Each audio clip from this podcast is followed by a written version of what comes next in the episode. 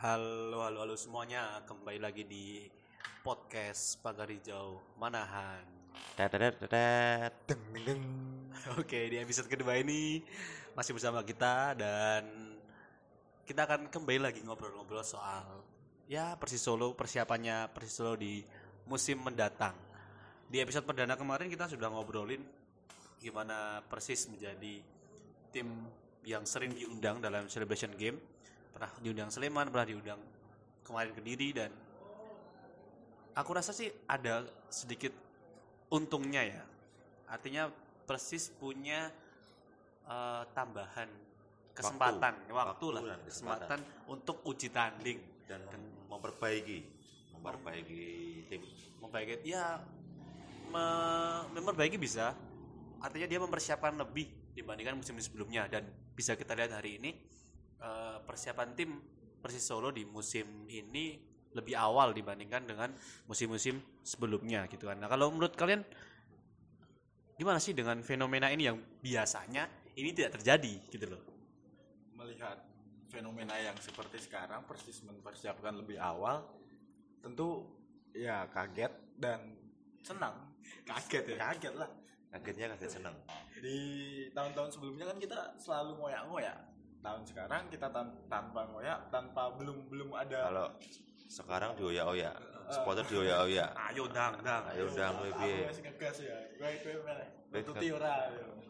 Lah aku nututi ora kira-kira? Nututi. Wis. Nah, eh, di Persis setelah selain Persis Kediri ya juga beberapa kali kesempatan main misal di Silvedari kemarin ketemu Unsal ya dan tim-tim Bisa yang- berapa kali? Dua kali. dua kali dua, Dua kali, kali dua yang ini. pertama, yang pertama kalah ya itu ya Kalah. kalah pertama kalah yang kedua kemarin menang, menang Tom. Menang, menang. Menang.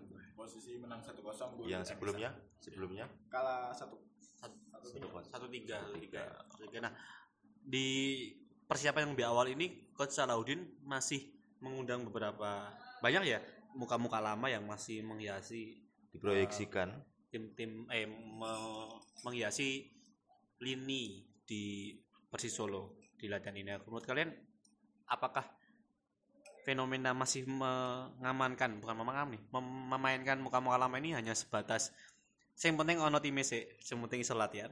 Atau memang ini yang diproyeksikan sih untuk musim depan. Hmm, saya yakin mungkin ini ya sih memang diproyeksikan.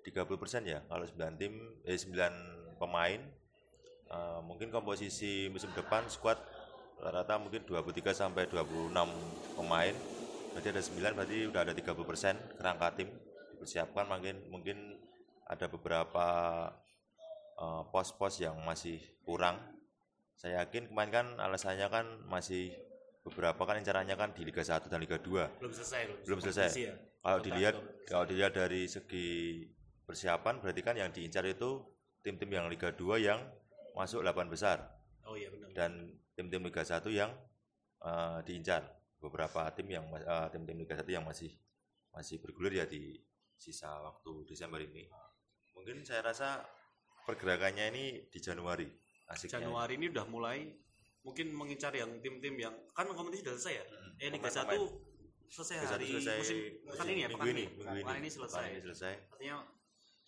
berarti kan tetap tapi kan tetap menunggu, menunggu kontrak masing-masing pemain yang selesai kan meskipun Hmm. kalau kalau saya gini menanggapi yang fe- fenomena pemain muka lama tadi di awal kan ada 15 pemain yang dipanggil ulang. Dipanggil untuk mengikuti 14 eh, 14 atau 15 itu terserah.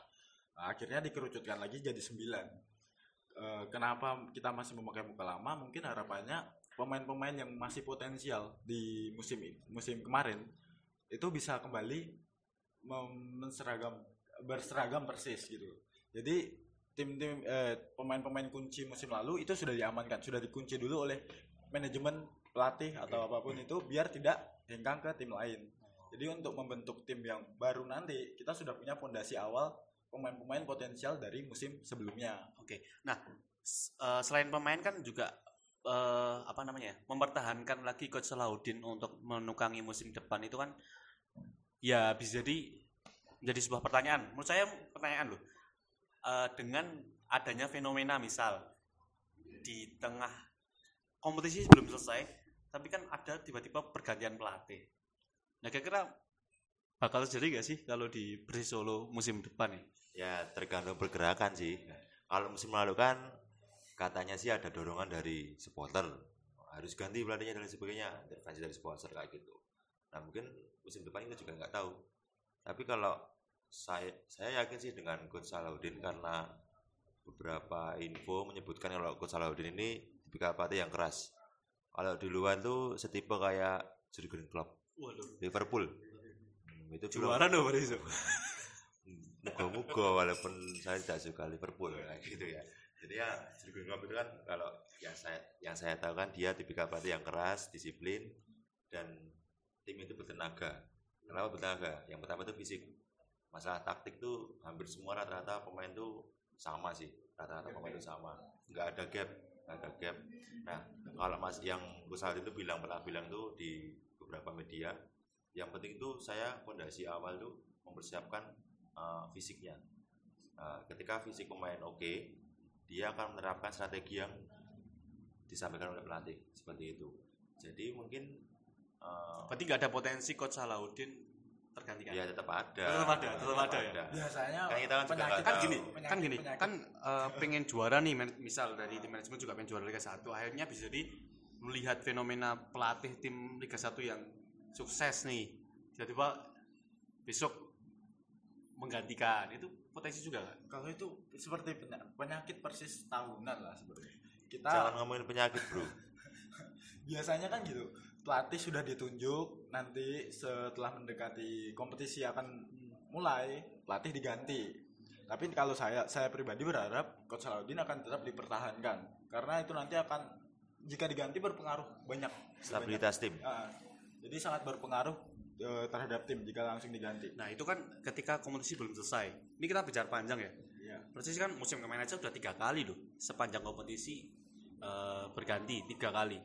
Itu arti kan eh, tiga bukan tiga kerangka sih eh, apa ya fenomena kerangka yang dibentuk oleh pelatih sebelumnya itu kan harus diadaptasi itu tadi lagi kan oleh yang- itu kan masalah di stabilitas tim ya. ya Jadi ya, eh, ketika tim itu bergonta-ganti pelatih, ber- bergonta-ganti ibaratnya bergonta-ganti kepala, berarti kan eh, badan dan eh, Organ- bawah-bawah yang organ-organnya kan juga tetap beda, nah, gitu kan. Jadinya kalau semisal ya mungkin dengan persiapan yang bagus kita kita tunggu saja uh, ini mempersiapkan timnya. Eh, saya yakin dengan proses yang baik akan menghasilkan hasil yang baik. Nah, selain latihan secara mesin ya, kalau disampaikan Coach Salahuddin fisik kan kita juga butuh uji tanding yang kalau bahasa saya sih sepadan lah. Kalau selama ini kan kita masih dengan tim lokal atau dengan eh, klub kampus gitu kan. Nah, kira-kira sih eh, harusnya sih Kenapa kalau nggak instansi? Kenapa harus kampus? enggak maksudnya kan kemarin kan harus usaha gitu loh maksudnya. Oh, iya, Gitu iya. kan. Nah, harusnya kalau harus harusnya kalau saya menurut saya harusnya sih ya bisa uji tanding dengan tim dengan level sepadan gitu. Ya, kalau itu emang emang harus nanti kita harus uji coba dengan tim sepadan. Tapi kita juga melihat kondisi sekarang ini. Oh iya Tim-tim benar lain benar. juga belum mempersiapkan Oh, iya. Timnya gitu loh. Jadi untuk mencari lawan juga masih susah. Mungkin belum nanti selesai. belum ah, Belum selesai juga.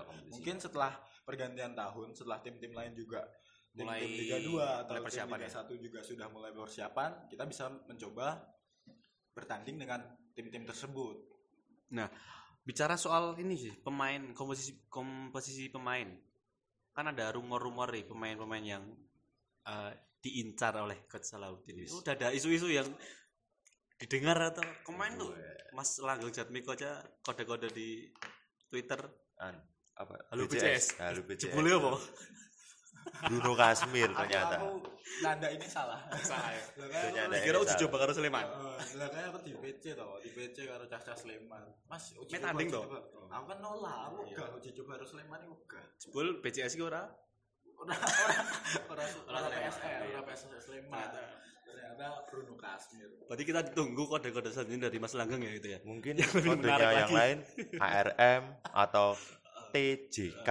Ternyata TJK bisa juga. ya ternyata yang Tejo didatangkan Tejo Pakualam. Wah. B, apa? BNJ itu apa? Benjo.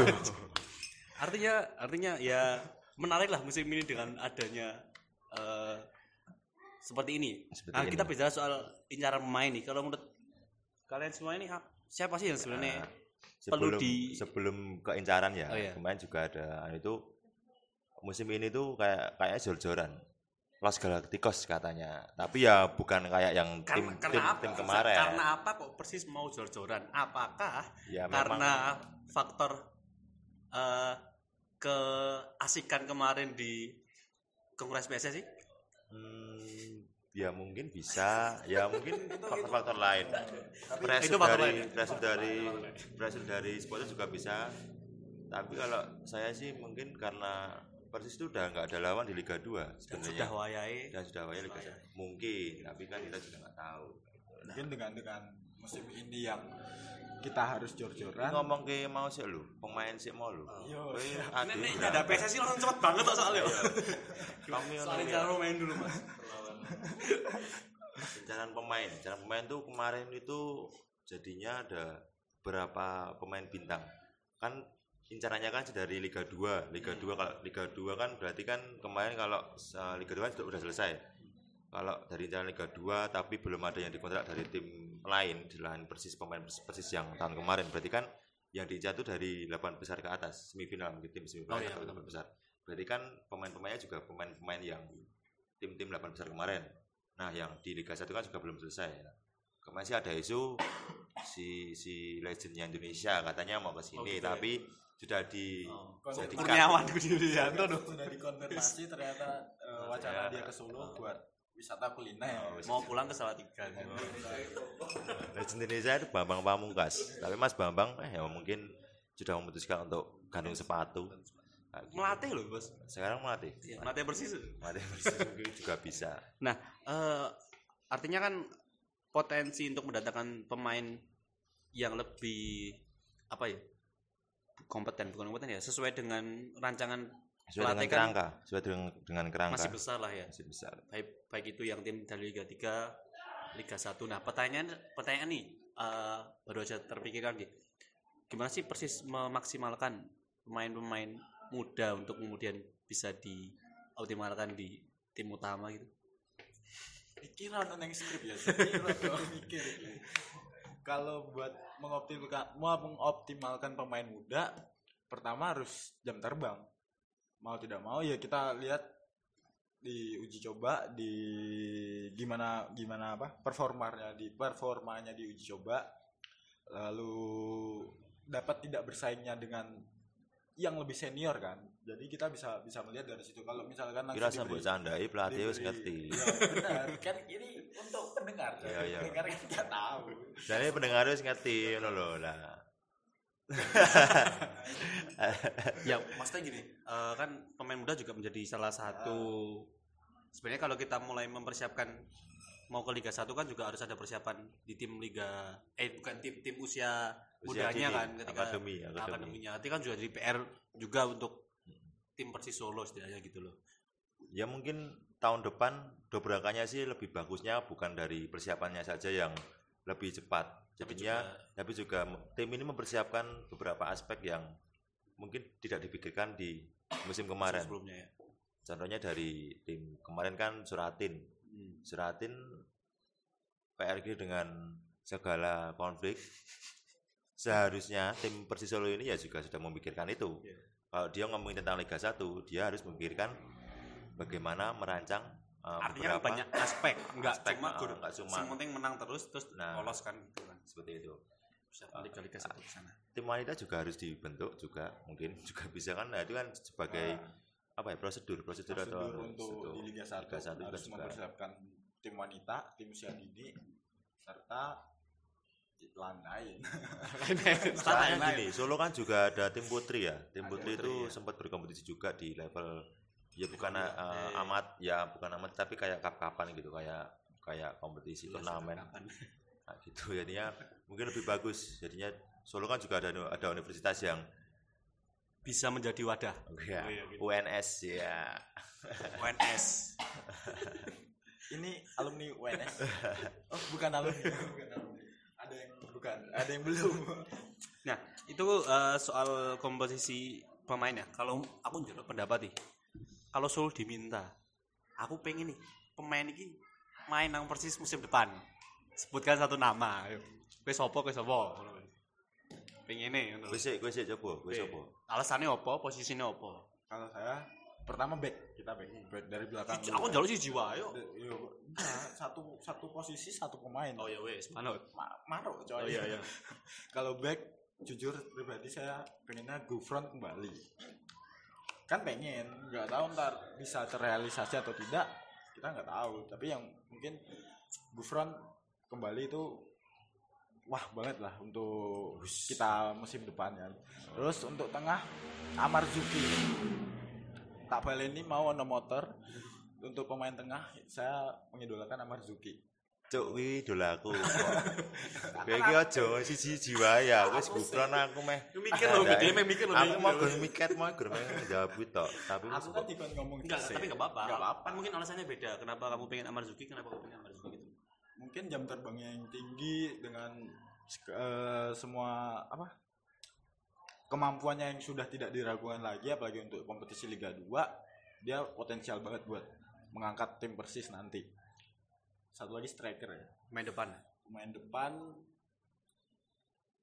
Siapa itu namanya yang pemain Persita? Striker asal Solo.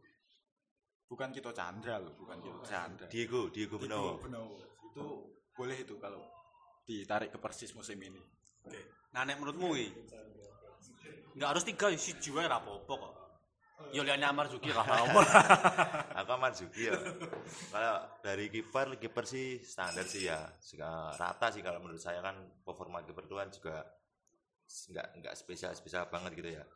Nah, terus kalau dari back juga rata sih. Kalau saya sih yang paling vital lu dari beberapa kompetisi ini setelah kita kehilangan M Wahyu itu kan sosok yang mungkin saya mungkin eh, sebagai apa ya kreator ya tim kalau nggak ada kreator juga walaupun backnya kuat walaupun kipernya bagus walaupun strikernya bagus tapi kalau nggak ada kreator juga sama aja. Mungkin dua dua musim ini kita cuma kehilangan itu aja sih.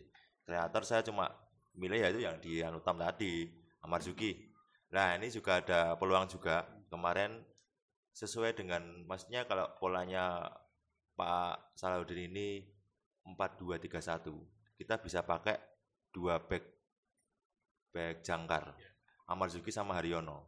Haryono itu peng- penghancur penghancur strategi lawan. Back atau gelandang? isunya kok itu ya, back nah iya, eh, gelandang gelandang gelandang isunya itu ya Gelandang, terakhir gelandang. musim ini di Persib. Persib udah selesai ya? Eh, udah selesai. Nah itu dilanjutkan?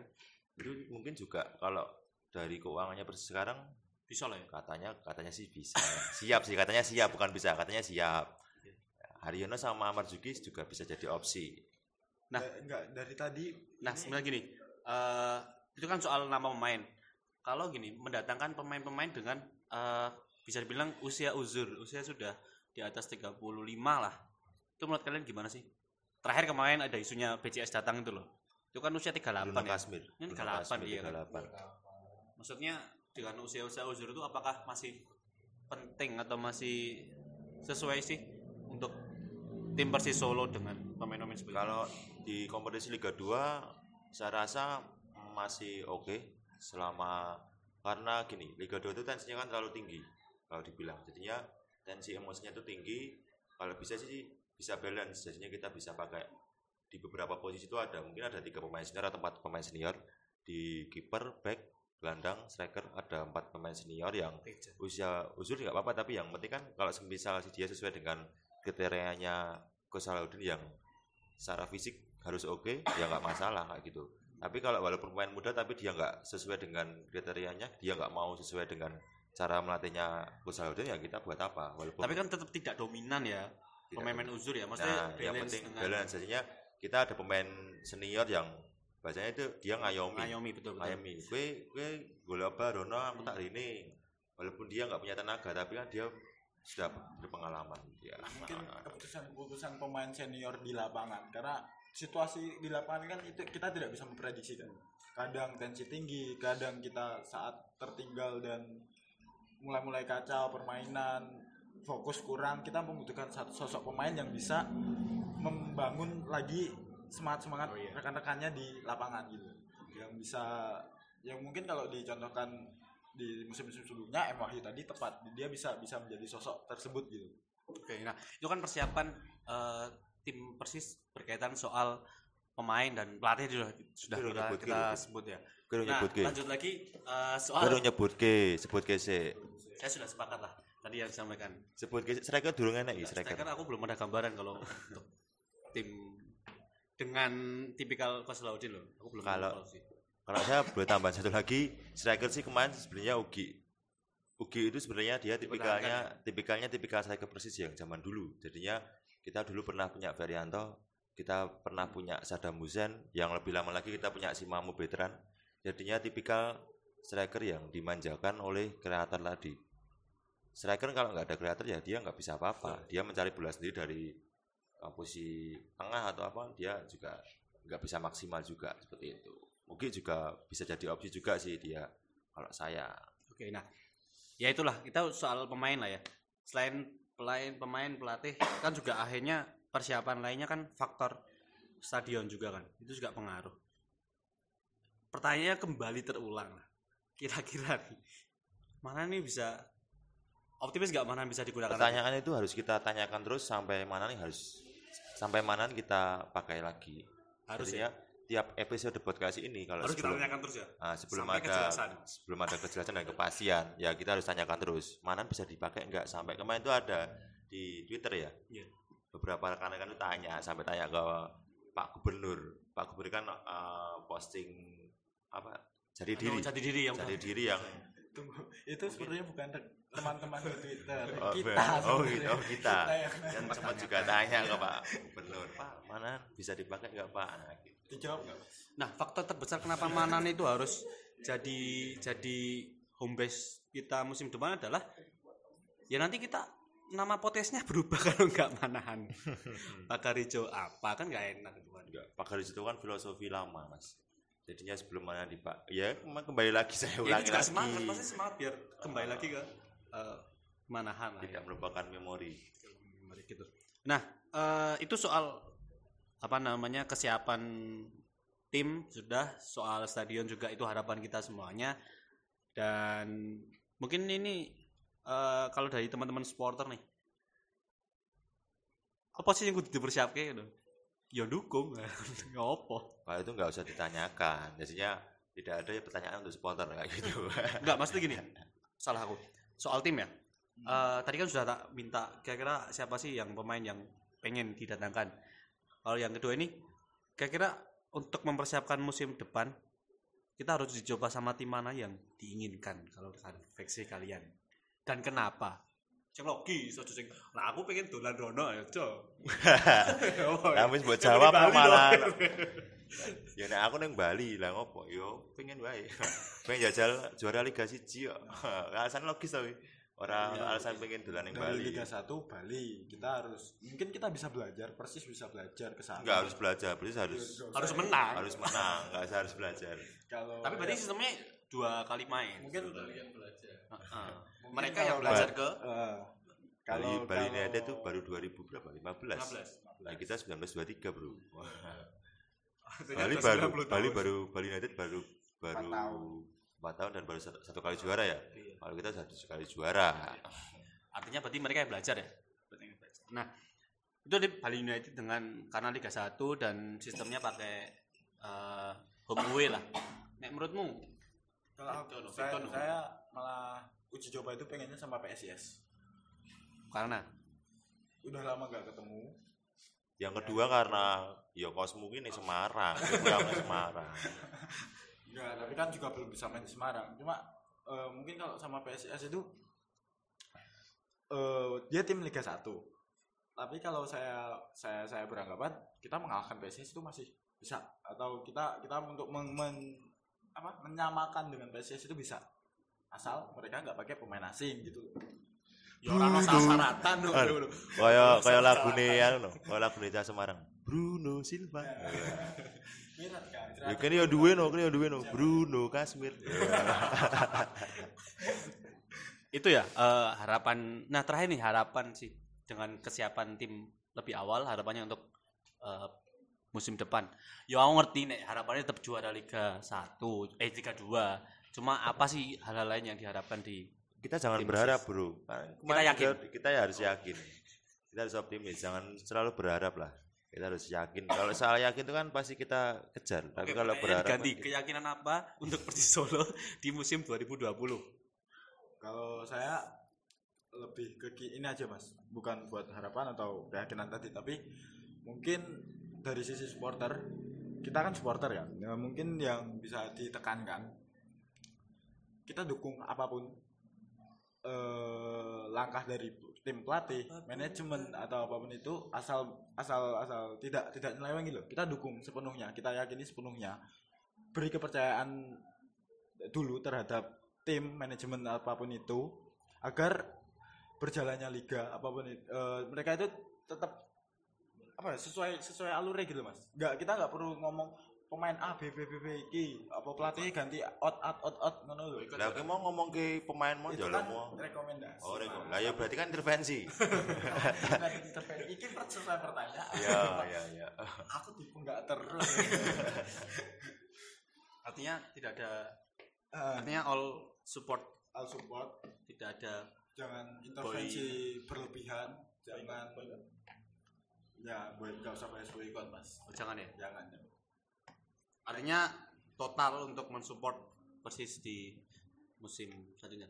Intinya pokoknya musim ini kita harus eh, optimis kita harus support sebagaimana kita semestinya. Nah entah itu nanti hasilnya bagaimana ya kita lihat aja pokoknya. Ya semoga. Ini ini kita ngomong kayak gini tuh bukan kita dari manajemen loh ya ini. Kita bukan dari pro manajemen tapi enggak. owner ya. Nah. tapi kita pokoknya mendukung aja lah tapi menurutku selain harus ya kalau liga juara liga 2 mungkin harapan semuanya lah tapi juga eh, profesionalitas pengelolaan secara keseluruhan klub sih harapannya bisa bisa lebih lebih bagus ya Aspek- maksudnya aspek- ketika aspek-aspek di masuk Liga juga. 1 kan nggak cuma soal kamu bisa menang di Liga 2 cuma kan tapi persiapan persiapan yang lainnya juga harus Iya. dipersiapkan dengan matang otomatis juga bisa. otomatis kan eh, kompetitifnya liga di liga satu kan juga lebih lebih banyak dari segi finansial dari segi beberapa aspek juga harus disiapkan. Nah tadi kalau kita bahas itu kan kita mungkin di episode berikutnya ya. Oke. Kita bakalan bahas seru-seruan di masalah beberapa aspek tim yang disiapkan. Udah kayak gitu din? Kurang apa kan lagi? eh, poinnya di persiapan musim ini lebih bagus lah ya start lebih awal start lebih awal. eh, dan harapannya juga jangan berharap lagi. Oh ya dan yakinnya. keyakinannya iya, keyakinannya. Dan keyakinannya itu bisa mendapatkan hasil yang maksimal lah ya. Kita Iya. bisa optimal di Liga 2 di musim depan di 2020 oke itu ya. selamat. Terima kasih di sudah mendengarkan di episode kedua podcast Pakar di Jauh Manahan. Sampai jumpa. Dadah, dadah, dadah. deng deng deng